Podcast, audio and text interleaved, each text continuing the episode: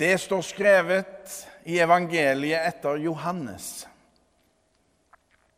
Folkemengden som var kommet til festen, fikk høre at Jesus var på vei inn i Jerusalem. Da tok de palmegreiner og gikk ut for å møte ham, og de ropte Hosianna! Velsignet er Han som kommer i Herrens navn, Israels konge. Jesus fant et esel og satte seg opp på det, slik det står skrevet. Vær ikke redd, datter Sion. Se, din konge kommer, ridende på en eselfole. Dette skjønte ikke disiplene med det samme. Men da Jesus var blitt herliggjort, husket de at dette sto skrevet om ham, og at folket hadde hilst ham slik. Alle de som hadde vært til stede da han kalte Lasarus ut av graven og vekket ham opp fra de døde, vitnet om det. Det var også derfor folk dro ut for å møte ham, fordi de fikk høre at han hadde gjort dette tegnet. Fariseerne sa da til hverandre.: Der ser dere at ingenting nytter. All verden løper etter ham. Det var noen grekere blant dem som var kommet for å tilbe under høytiden. De gikk til Philip, som var fra Betsaida i Galilea, og sa, 'Herre, vi vil gjerne se Jesus.' Philip gikk og fortalte det til Andreas, og sammen gikk de og sa det til Jesus.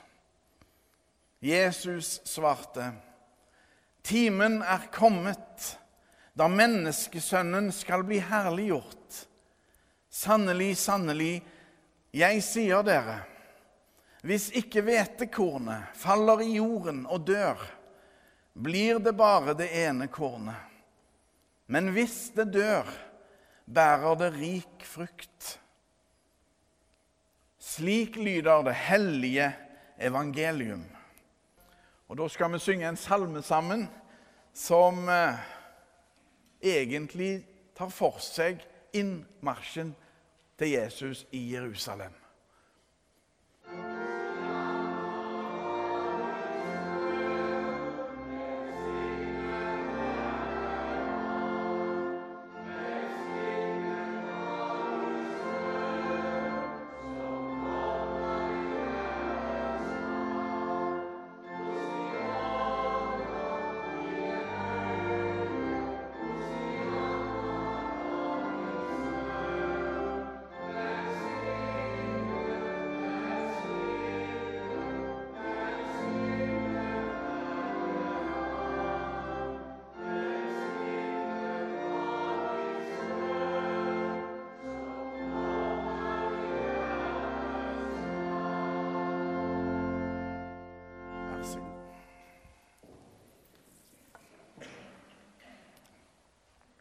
Her har jeg funnet fram et bilde.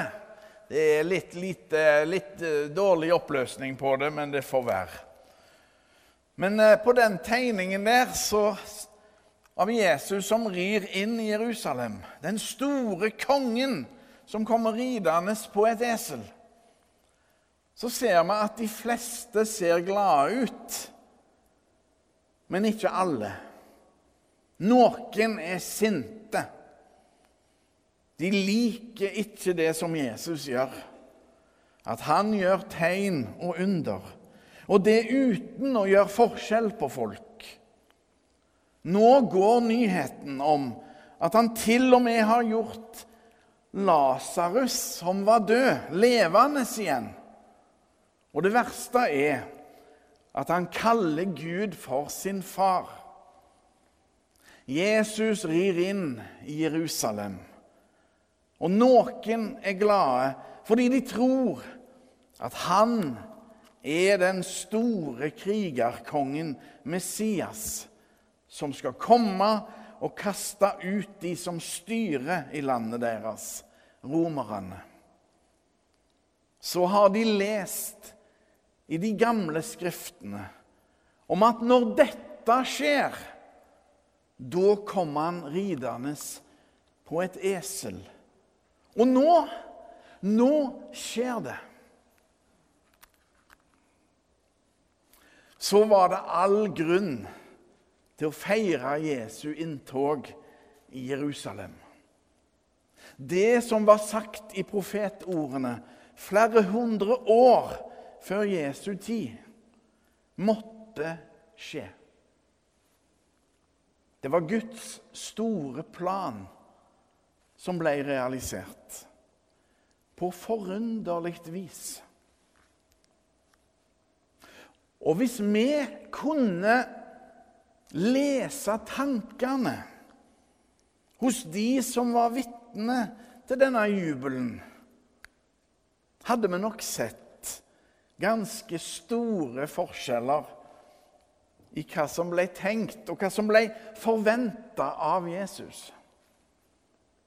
De fleste håpte og trodde vel at Jesus var den som skulle befri folket fra okkupantene. Jesus vet at hans befrielse ligger på et helt annet plan. At fienden er synda og ondskapen. Den makta som, som okkuperer oss alle. Jesus vet at triumfen og seieren går gjennom den grufulle lidelsen. Så når Jesus sier 'Timen er kommet', da menneskesønnen skal bli herliggjort Da er det ikke jubelen og begeistringen på palmesøndagen han mener. Men sin egen brutale skjebne. Jesus tenker helt konkret om opphøyelse på korstreet. Han har hele Guds frelsesplan i kroppen, bokstavelig talt. Og han vet at dette må han gjøre totalt uten bedøvelse. Triumfen går gjennom lidelsen. Der ligger seieren. Og så vet vi at påskemorgens jublende glede ringer òg der framme. Men det, den er ennå langt unna, i parentes bemerka. Jesus snakker et annet språk. Han snur som vanlig det meste på hodet. Og der vi tenker fornedrelse, ydmykelse og skam Der tenker Jesus ære og herliggjørelse. Jesus snakker Guds språk kjærlighetens språk, så er det på en måte Guds naturlov Jesus henviser til når han sier 'Sannelig, sannelig, jeg sier dere' Hvis ikke hvetekornet faller i jorden og dør, blir det bare det ene kornet. Men hvis det dør, bærer det rik frukt.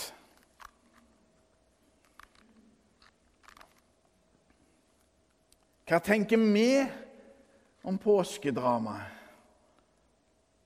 Lar vi Jesus ri inn i våre liv og være konge?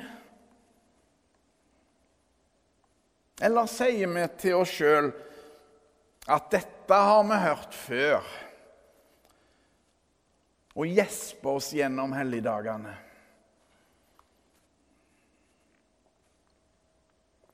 Lar vi oss fange og fenge av Jesus? Eller drukne Jesus og hans fullkomne kjærlighet i all støyen rundt oss? Påskens dramatikk skjedde for oss. Det var ikke for sin egen skyld Gud lot dette skje. I Jesus forsoner Gud verden med seg sjøl. Og den fullkomne kjærligheten triumferte fordi Gud elska oss først.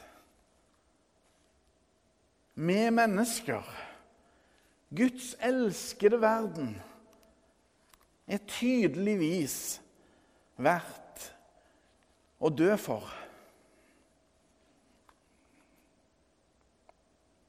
Jesus rir inn i Jerusalem, den hellige byen, for å befri folket fra den store fienden, den skikkelig store fienden.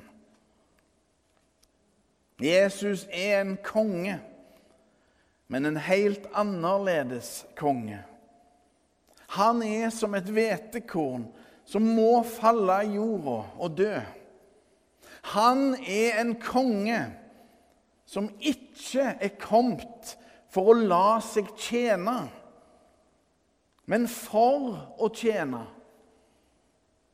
Han er hovedpersonen i Bibelen. Og mellom, imellom linjene så er hovedbudskapet i Bibelen kjærlighet. Å tro er å legge livet i Guds, kjærlighetens, hender. Så er det all grunn til å hylle Jesus. Den ydmyke, store kongen.